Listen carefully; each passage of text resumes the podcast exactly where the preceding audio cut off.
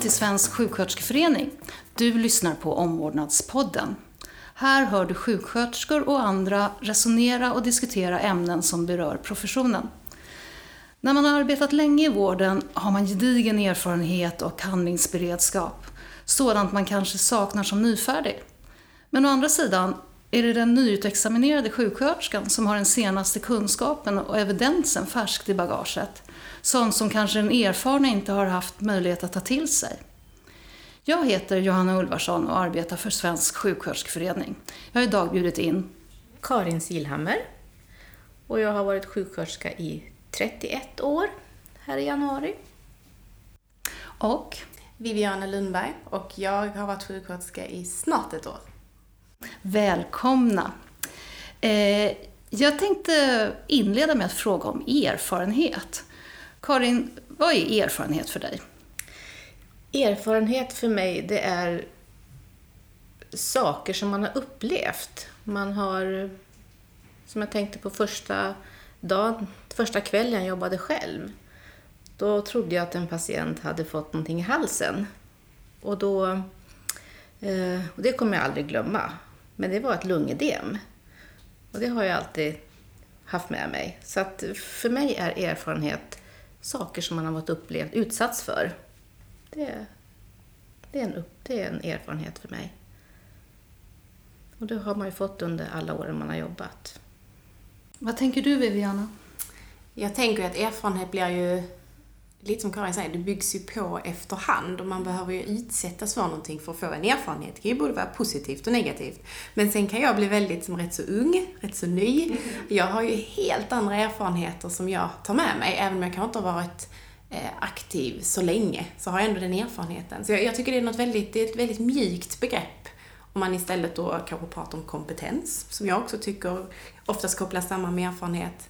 Eh, och jag tycker erfarenhet speglar också på något sätt någonting man går tillbaka till när man inte riktigt eh, vet man vad man möter. Alltså det här, men det här har jag kanske ändå stött på någon gång, jag har den här erfarenheten. Jag tycker det kan både vara en, ja men jag har erfarenhet och där, därför känner jag mig trygg i situationen. Det, det är ett så brett begrepp, men vi, det är någonting som jag tror eh, debatteras väldigt mycket i IT. Vi behöver erfarna sjuksköterskor till exempel.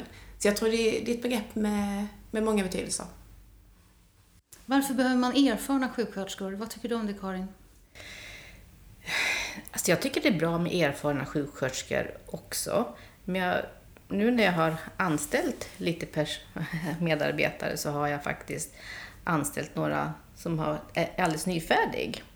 Och de är faktiskt nästan lättare att jobba med för att de har inte, det låter konstigt, men de har ju inte något så mycket bakåt i, i bagaget som säger men så här gjorde vi och så här gör vi och har vi alltid gjort. Och de är med, de är med öppna eh, vet det, tankar och de, de är nyfikna på nya saker.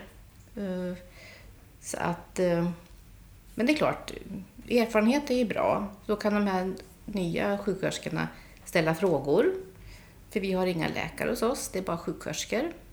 Så det är ju jättebra att det finns erfarna sjuksköterskor. Jag tycker man ska ha en blandning.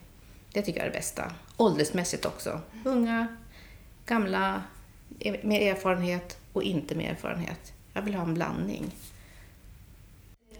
Jag kommer att tänka på min, mitt första jobb som sjuksköterska var på barnkliniken. Och eh, jag blev anställd där, jag trodde inte jag skulle få den anställningen, men jag blev anställd där just med de orden. Hon som anställde mig sa att eh, eh, jag anställer hellre dig som är helt nyfärdig just på barnkliniken än en sjuksköterska som kommer från vuxensidan. Eh, för de kan inte riktigt se rimlighetsbegreppen i när man administrerar läkemedel. Och eh, det fick mig en riktig tankeställare. Dels blev jag ju väldigt glad. Men det är lite samma du är inne på. Vad tänker du där, Viviana? Jag är anställd på exakt samma premisser, höll jag på att säga. Jag jobbar på neonatalavdelningen i Helsingborg. Och det har också varit en avdelning där man har väldigt, väldigt många erfarna sjuksköterskor. Sen så händer det lite saker på avdelningen som gör att vissa väljer att gå vidare, vissa lämnar, vissa går i pension. Och då stod ju också min nuvarande chef, och står fortfarande inför den sitsen, att man kommer behöva fylla på. Men hon har också varit väldigt öppen med det, att det, det är någonting som behövs, vi måste få in det. Och som hon också säger, vi, jag vill utveckla avdelningen. Alltså att det måste hända någonting och får man då in ett helt nytt, färskt gäng, som hon sa, så får man ett annat tankesätt in i en arbetsgrupp också.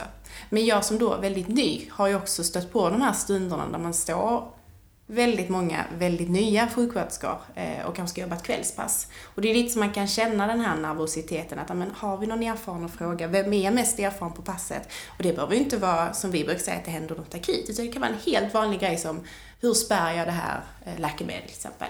Eh, det finns tydliga, fina manualer, men någon som har gjort det innan som bara, men tänk så här. Och lite som den här handledaren under hela sjuksköterskeprogrammet. Lite den känslan tror jag också det man får, och den trygghet som ny sjuksköterska, att få lov att känna kvar, ha den här tryggheten kvar rätt så länge, också i yrkeslivet.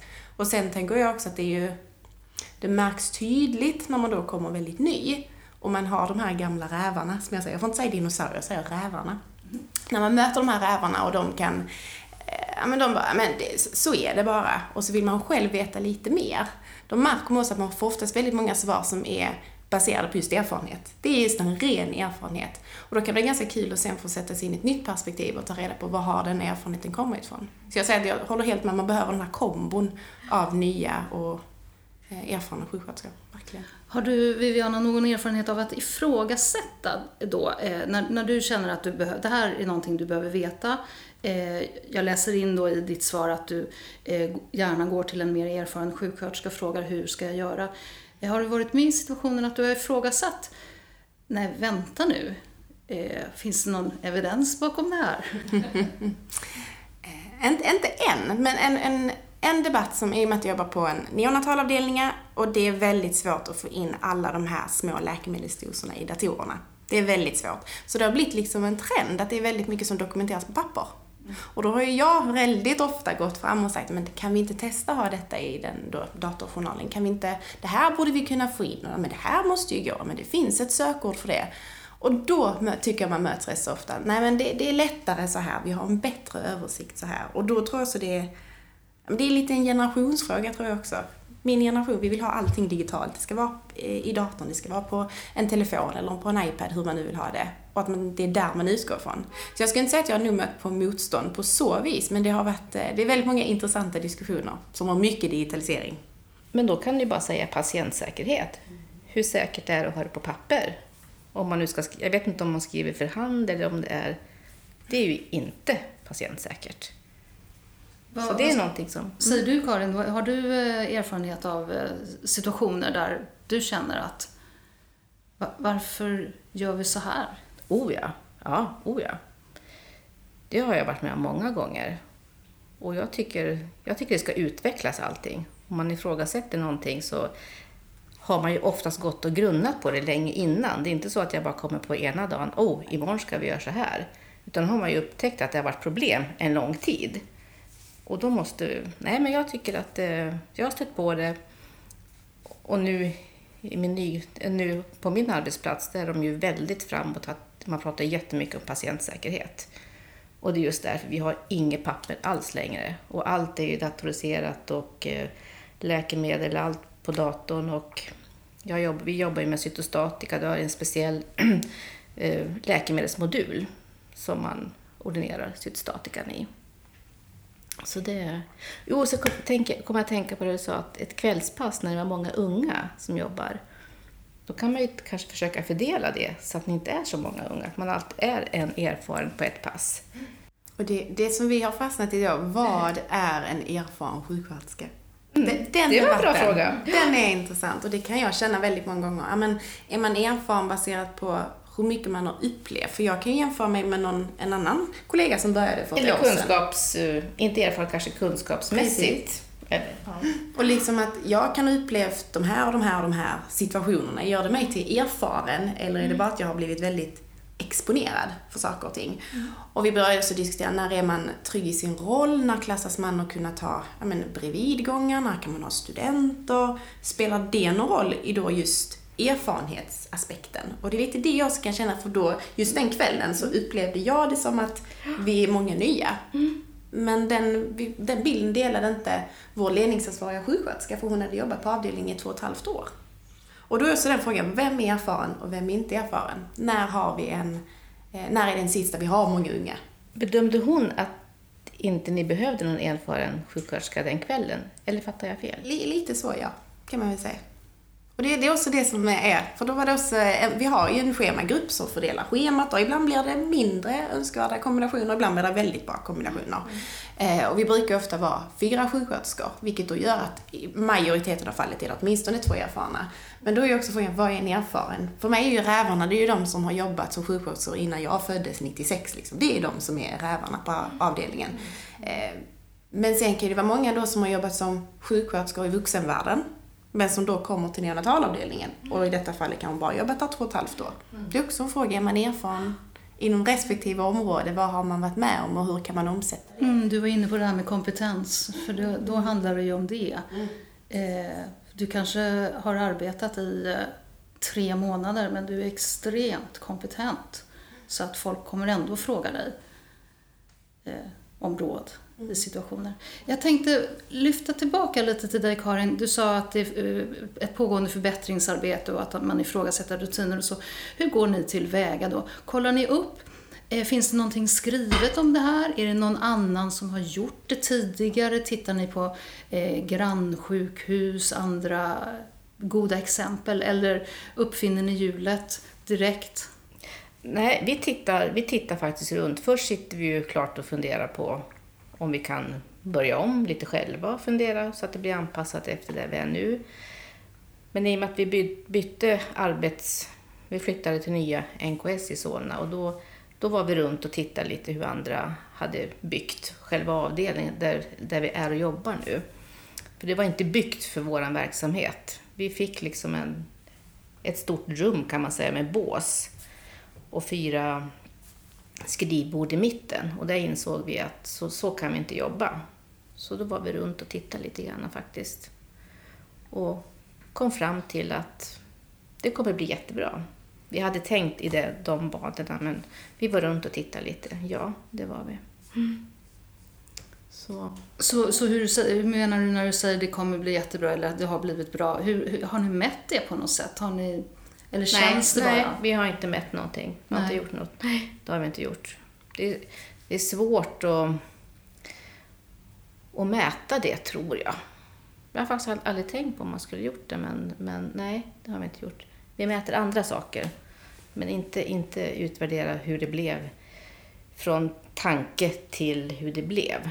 Det har vi inte gjort. Det är ju något som jag kan bli så här, för att det, jag är ju, jag tillhör ju den sjuksköterskegenerationen som har eh, vi hade SWOT-analyser som vi skulle examineras i.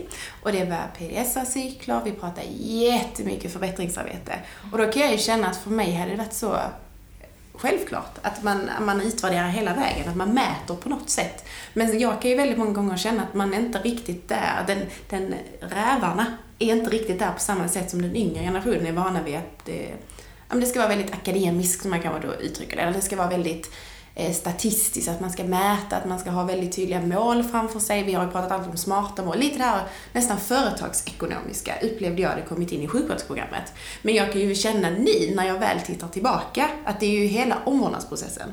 Och då kommer jag, jag nämnde det på jobbet, att tar man omvårdnadsprocessen från allt det vi börjar planera tills vi egentligen har utfört, så är det ju egentligen vilket annat verktyg som helst. Och det är något mm. som jag kan känna har varit väldigt eh, nu när vi, man får vara med i många förbättringsarbeten på mm. hemmaplan och man känner liksom att amen, vi tar omvårdnadsprocessen, vi tar inte in allt det här som kan bli väldigt stort och väldigt rörigt med statistiken, utan börjar vi där så tror jag man får väldigt bra grund. Så att det, ja, mm. jag, vi, jag tycker om att mäta.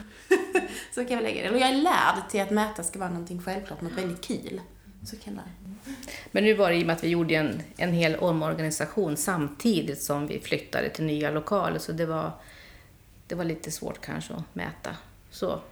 Men, men annars håller vi på mycket nu med, med mätningar. Ja, de här äh, punktprevalenserna, handhygien och vi mäter... Äh, vi har gått ut med nu och gör en medarbetarenkät för att se hur medarbetarna trivs.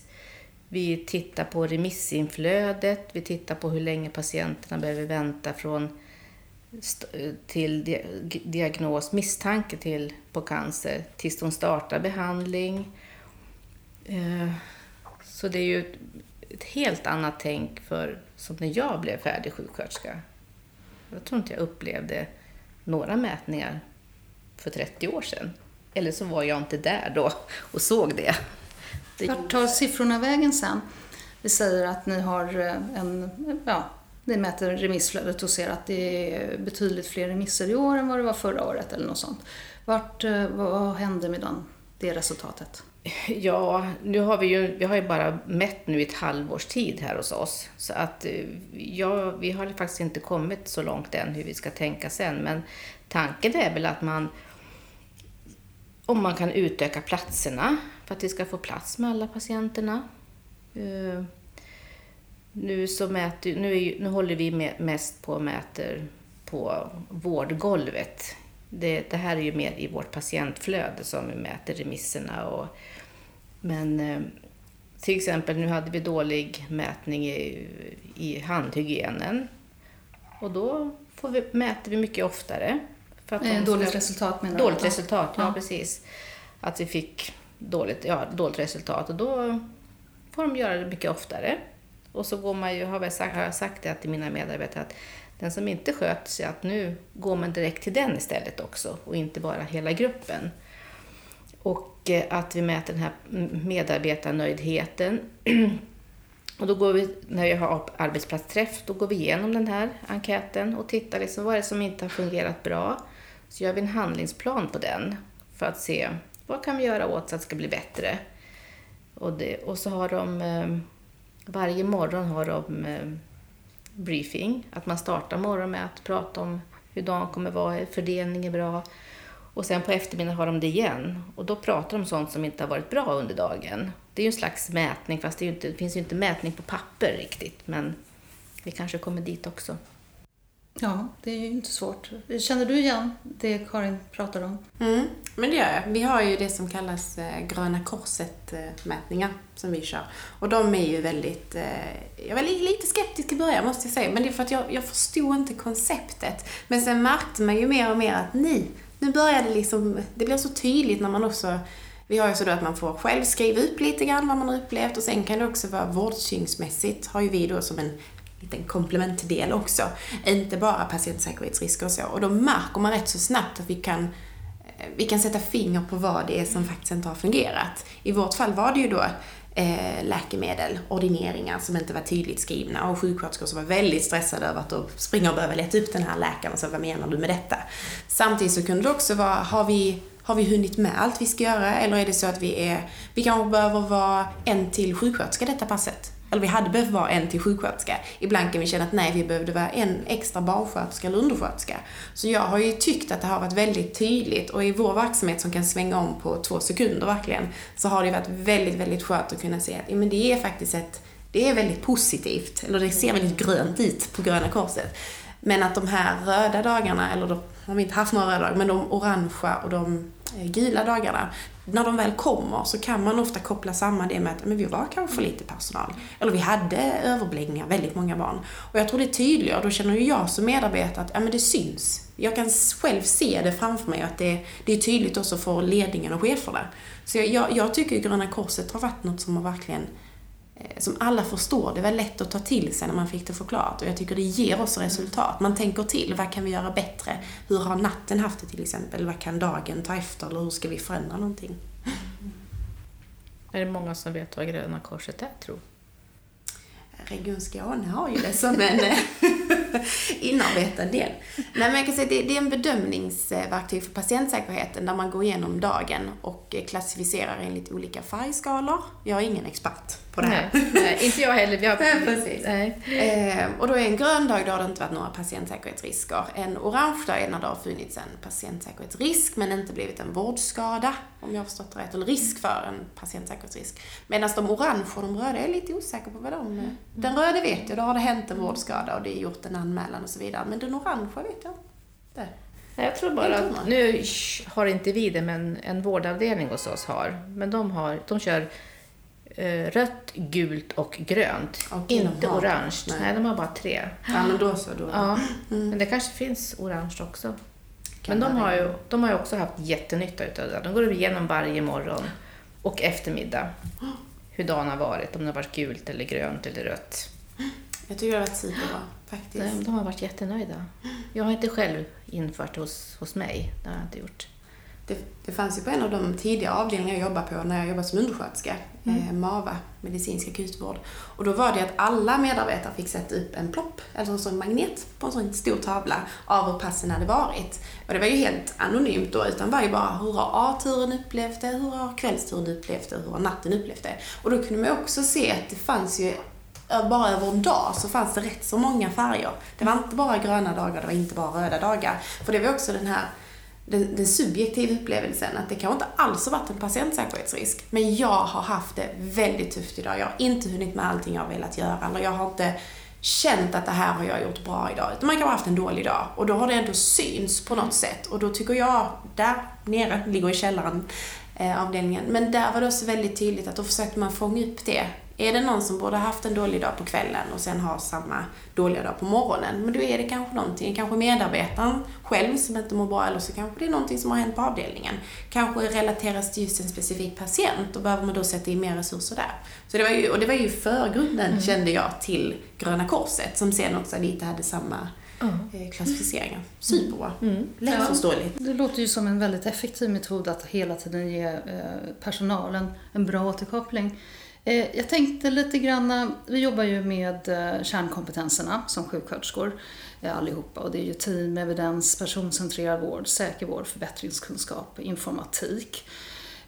Informatik det handlar ju väldigt mycket om det vi skriver i journalen och att vi har en, ett eget omvårdnadsspråk i journalen och vilken nomenklatur som vi använder. Det tycker jag är jätteviktigt och den blir ofta förbisedd för att eh, folk tycker att ordet informatik låter så tråkigt så att de tänker inte på, på alla konsekvenser eh, det får om, om Karin inte förstår vad jag har skrivit eh, överhuvudtaget eller om jag bara dubbeldokumenterar och skriver exakt samma saker som du redan har skrivit på ditt pass Viviana. Eh, så hur, hur, arbetar ni med informatik i, eh, hos dig Viviana? Alltså, Pratar ni om det på jobbet? Ja, till viss del. Inte så mycket som man kan eh, hoppas på, men någonting som finns tillgängligt i Region Skåne, det är ju det här med att kunna gå in och läsa journalen. Mm. Och som våra föräldrar, så fort de har registrerat barnet, så kan de ju gå in och läsa. Och det är ju där har vi också haft mycket diskussioner just då, att det, ska vara tillräckligt informativt för att vi ska förstå det. Men sen ska det också vara så pass eh, lättförståeligt och det är fortfarande, där finns latinska ord och allt vad det heter, men det ska vara fortfarande lättförståeligt så man har en plan. Att föräldrarna också ska kunna följa det i, journal, i barnets journal till exempel. Och det tror jag har varit, det har varit en diskussion på avdelningen, vare sig det ska vara så eller inte, hur lätt det är och eh, olika saker man vill dokumentera just när det gäller inom barnsjukvården. Men det som jag har reagerat mycket på det är just det här hur vi dokumenterar. Och jag skulle säga att det finns eh, olika generationer, om man säger så Eh, i sjuksköterskegruppen på min arbetsplats. Vilket också gör att vi dokumenterar väldigt, väldigt olika. Jag är ju lärd enligt VIPS-modellen att vi dokumenterar så. Och det är tydligt och det ska vara eh, effektivt och som du säger, inte dubbeldokumentera. Eh, jag är van vid att man använder ett omvårdnadsstatus på morgonen kanske, sen gör man ett förnyat status på kvällen. Man kan använda olika omvårdnadsanteckningar och allt vad det heter i olika journalsystem. Men sen har vi en helt annan grupp i, eller i arbetsgruppen som inte alls är vana vid att dokumentera på det sättet. Trots att vi är helt samma profession. Mm. Det är intressant när man väl sitter där och ska läsa någon annans anteckning och tänka, jaha. Men det är kanske är någonting att jobba med? Ja, det tror jag verkligen. För det ska nog inte vara oberoende på vilken sjuksköterska man har och vad som står i journalen. Det känns ju mm. inte så, så Nej. professionellt. Vi, vi, driver ju också, kan jag ju säga, från Svensk ja. sjuksköterskeförening att det ska vara ett uh, system, som en, en terminologi som alla sjuksköterskor mm. uh, arbetar med och dokumenterar efter med omvårdnadsdiagnoser och resultatuppföljning. Så att det... Nej, men det är, det är ganska bra att tänka, varför tänker jag när jag sitter och dokumenterar, att vad är det jag skriver? Till vilken nytta skriver jag vissa saker? Mm. Att måste, det måste vara relevant. att eh, Om nu föräldern eller som hos oss, den vuxne går in och läser journalen så måste det stå bra grejer. Det får inte stå, ja, nu tappar jag lite, men, men att det måste ändå stå jag tänker, vi var inne på mätverktyg förut och vi mäter ju väldigt mycket på patienterna. Ja. Eh, vad mäter du på patient, din, en standardpatient hos dig? Alltså, vi mäter ju mest bara smärta. Eh, nu jobbar jag på en liten speciell avdelning där, där vi ger cytostatika. Det är ju inte någon vårdavdelning, det är ju en dagavdelning. smärta, vi mäter eh, hur mycket, du, eh, hur mycket de äter, alltså nutrition, elimination pratar vi alltid om, men det mäter man ju inte riktigt. Vi går ju inte in och frågar hur mycket kalorier de har ätit och hur mycket de har inte på så vis, men det är ju som sagt var smärta mest som är vikten hos oss. Eller allmäntillståndet, men mm. ja, det, nej, vi mäter inte riktigt något. Har ni några specifika mätverktyg? Det är, jag är lite inne på Karin, det beror ju på vad man mäter. Ja. Mm. Vi, har ju väldigt, alltså vi, vi dokumenterar ju allt om barnen. Mm. Alltså det är ju de här små prematurerna, allt från vätskebalans till inkomster och utgifter brukar vi säga. Och man mäter smärta, man kan mäta allt från eh, men hur, hur lång tid har de spenderat uppe mot tid hos mamma eller pappa och Eh, hur lång tid har de i eh, CPAP, hur lång tid har de i en högflödes eh, då istället. Och så, och så det är mycket mätningar på så sätt. Men jag tror inte heller vi har några så specifika mätinstrument på det sättet. Vi har många valideringsinstrument som vi validerar och utvärderar eh, situationen, men inte mät... För vad jag är ute efter och fiskar nu, det är ju eh, att vi pratar ju personcentrerad vård och vi gör ju den här individbaserade mätningen, till exempel smärtskattning. Eh, och när vi har standardiserade mätinstrument och validerade också, jättebra, då borde vi ju kunna ta nästa kliv och samla ihop all den här data, gå ifrån då eh, individen och eh, höja det på en högre nivå för att nå de andra kärnkompetenserna, till exempel förbättringskunskap och evidens, och arbeta vidare med de instrument vi har. Är det något ni känner igen? Nej, skulle Nej. jag säga. Faktiskt inte. Nej. Jag. Nej, jag har inte riktigt tänkt så faktiskt. Skulle man kunna tänka så? Ja, säkert. ja, men jo, jo, absolut. Men jag har lite svårt att se hur. På vilket sätt? Nej, det skulle jag nog, måste jag nog måste ha hjälp med att tänka. Vi har ju så förspänt hos oss att vi har ju en omvårdnadsansvarig sjuksköterska. Det kanske ni också har. Hon är ju väldigt bra med det här med mätningar och hur man ska tänka. Hon har ju själv disputerat inom, eh, det är inom eh, fysisk aktivitet och cancerbehandling. Så nu har jag en, en medarbetare som går specialistutbildningen och så nu skulle hon hjälpa henne och läsa artiklar och så. Nu tappar jag tråden. Men eh, med henne skulle man nog kunna få hjälp av om man skulle behöva göra några mätningar, några större saker. Men jag har inte något sådär, nej, men det känns någonstans som eh, en, eh, att man inte utnyttjar resurserna när vi dokumenterar så mycket och sen så lägger vi det bara till handlingarna. Det måste ju finnas någonting mer vi kan göra. Det måste generera kunskap. Som vi inledde med den här erfarenheten. Ja. Kan man läsa sig till erfarenhet, Viviana? Kan man, kan, skulle du kunna sätta dig under en veckas tid läsa gamla journaler och lära dig något? Ja, det tror jag. Och jag, jag, nu är det, lite så här, det är lite kontroversiellt, men jag tror det är, det är sjuksköterskeprofessionen som inte har det inarbetat. Vi var på ett, ehm, ett ehm, regiondagarna för hjärtsjukvård, och jag och en annan äldre kollega. Hon, är också, hon har fem år kvar att jobba, så det är väldigt kul. Hon fyller 65 om några år. Ehm, men vi var på ett regionmöte med hjärtsjuka barn och vi diskuterade mycket och då var ju allt det här med fall och det var väldigt mycket alltså, direkt hämtat ur patientjournalerna. Man beskrev liksom olika fall och man diskuterade allt från medicinska åtgärder, man diskuterade vad sannolikheten var, man diskuterade alltså allt, massor av parametrar. Och jag kommer ihåg, vi satt ju där och tyckte det var, det var intressant. Mm. Men som sjuksköterska och sitta och lyssna på alla dessa olika medicinska interventioner och operationer, det blir eh, men jag känner inte att jag kan ta med mig det hem och direkt omvandla det. Å andra sidan så var det ju sjuksköterskor också som föreläste. Men deras föreläsningar handlade till exempel om livskvalitet, vilket vi tyckte var jätteintressant. Men vi sa att det är också väldigt svårt att mäta. Och jag tror det också är en utmaning för professionen i sig, att våra områden kan ofta vara väldigt abstrakta eller ofta vara väldigt svåra att sätta fingret på. Och det är lite som du säger, smärta, det kan vara väldigt, man kan hitta en orsak till smärtan. Nästa steg kan ju vara olika typer av smärtbehandling. Men vi har också den här sidan, den existentiella smärtan till exempel. Den kanske är en helt annan femma, men som kommer påverka den fysiskt upplevda smärtan. Så jag, jag tror också det är en fråga om hur kan vi underlätta för sjuksköterskor i vardagen att kunna mäta? Alltså kunna göra de här för vi alla mäter, vi alla tänker vid tanken att ah, men jag har sett det här, jag har registrerat någonting som gör att jag Jag vill ta det vidare, jag vill göra en åtgärd. Det är ju omvårdnadsprocessen igen. Men jag tror också att det är inte så lätt att mäta omvårdnad. Det är det jag tror ser det som en utmaning för, för oss. Mm. Att också komma fram till, eller komma vidare i den processen. Det tror jag. Nej, jag håller med. Det är ganska svårt att mäta.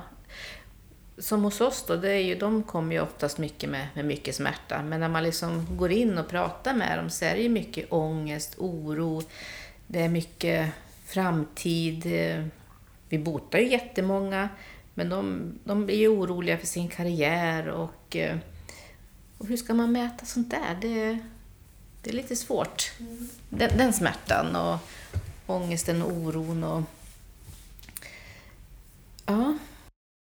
Men det, jag tycker det, och det märkte jag nog, jag hade min sista placering på ehm, eh, nu heter det något annat här i Stockholm. Det var på avancerad sjukvård i hemmet. Jag tror mm. det är så specialiserad sjukvård i hemmet. Ja, AICH, det är Ja, men det är samma. Ja, det är samma. Ja. Där var jag min sista placering. Och det var ju från att ha gått då från att vara mycket akutsjukvård på mm. sjukhus och mm. så här och så till den verksamheten. Och komma från då är vana vid att ha sju, åtta patienter till att ha tre besök på en dag. Det var ju det var lite jobbigt de första veckorna och sadla ner i tempot. Men där blev det också väldigt tydligt för där hade man ju ett väldigt utarbetat program man arbetade efter. Eh, det var mycket palliativ vård, det fanns ju liksom stora, det fanns riktlinjer överallt liksom för hur man kunde tänka, hur man kunde agera. Det fanns väldigt mycket enkäter, allt från anhörigenkäter till patientenkäter till barnenkäter då. Vilket jag tyckte var jättekul. Men det jag imponerades av av mina handledare, det var ju också att de tog ju det gjorde man inte statistiskt på något sätt, utan de tog all denna data och så började de jobba med det direkt. De satte sig ner och tog in det i omvårdnadsmötet, eller i den stora medicinska ronden, eller som de då hade rond med både fysioterapeut, arbetsterapeut och psykolog. Så kunde de ju sitta och, och visa att nej, men den här patienten har eh, skattat sig så här, tre skattningar i rad. Mm. Och då satt jag där och tänkte att det här, eller nu i efterhand så tänker man ju väldigt mycket att det är väldigt sällan vi tänker så om eh, familjerna. Vi har ju till exempel amning i ett jättestort område. Eh, vi gör ingen amningsskattning i en då upplevelse till exempel. För att det tänker vi, det händer så många gånger per dygn. Så att en, ett misslyckat amningsförsök kanske inte är hela världen. Men då, det är ju sådana saker jag kan känna att man hade kunnat mäta utan att tvunget behöva behöva göra det så stort eller jag behöver göra det så mycket pappersarbete utan få mätningen, kunna skriva det eller dokumentera det i journalen och sen kunna se en trend. Mm. Men jag tror, jag tror det är lite där, det, vet vi vad vi ska mäta och vet vi hur vi ska mäta det? Det, det är, en, det är en sån som jag kände när vi hade de här eh, omvårdnadsforskningskurserna i skolan, att det är, det är så svårt. Jag tycker det är svårt fortfarande. Jag tycker det är kul, men det är svårt. Det är en utmaning. Mm. Ja. Det är svårt att se sitt eget område, eh, för man bländas ofta av forskning. Det ska vara så high-tech och tjusigt. Mm. Medan det faktiskt kan handla om att man bara mäter amningen, hur har den fungerat det senaste dygnet? Vilket kan ha jättestor betydelse för hela den här familjen. Tiden rinner när man har roligt, men jag tänkte att ni skulle få avsluta med varsin eh, reflektion över, eh, och vi börjar med dig Karin. Är det någon gång då du har tackat gudarna för att du hade den här faktabaskunskapen i en situation? Ja. Kan du berätta? Ja. Nej, men det är ju, det, det är ju speciellt nu på min sista nuvarande arbetsplats, det här med när man jobbar med cancer och cancerbehandlingar, att man verkligen är säker på att det är rätt behandling patienterna får. Det är ju otroligt viktigt. Eh, nu, det finns ju väldigt mycket, det finns ju evidens för att just, nu hittar jag bara på, en slags cytostatika är jättebra för just den här cancerbehandlingen. Och så finns det andra antikroppar som är jättebra för en annan sorts cancerbehandling när det gäller bröstcancer. Och då måste man ha evidens för det. Man kan inte bara säga äh, du får den här behandlingen.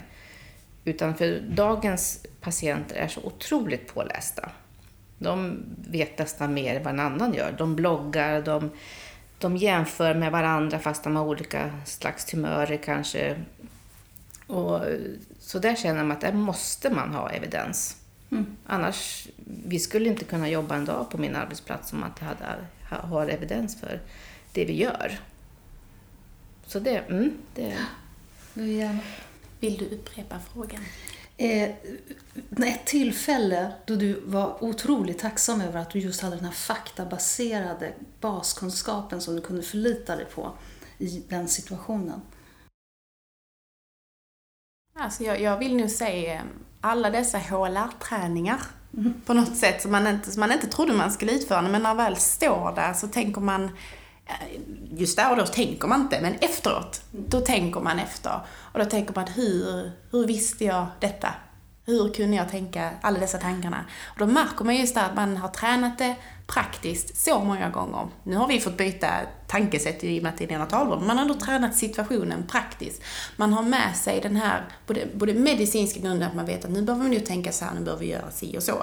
Samtidigt som jag kunde känna att eh, när jag pratade med föräldrarna i det här fallet efteråt så sa de, men det var så bra att du kom och informerade oss och du var så tydlig och saklig. Så tänkte jag, var jag verkligen det? Jag kunde inte alls för mig, men det har vi också tränat på. Så jag tror det har varit de situationerna som man nog, det är mycket praktiska situationer som ny, som man känner att ja, men jag har lärt mig något på tre år. Det, det har fastnat. Men det är mycket sånt man också eh, i efterhand.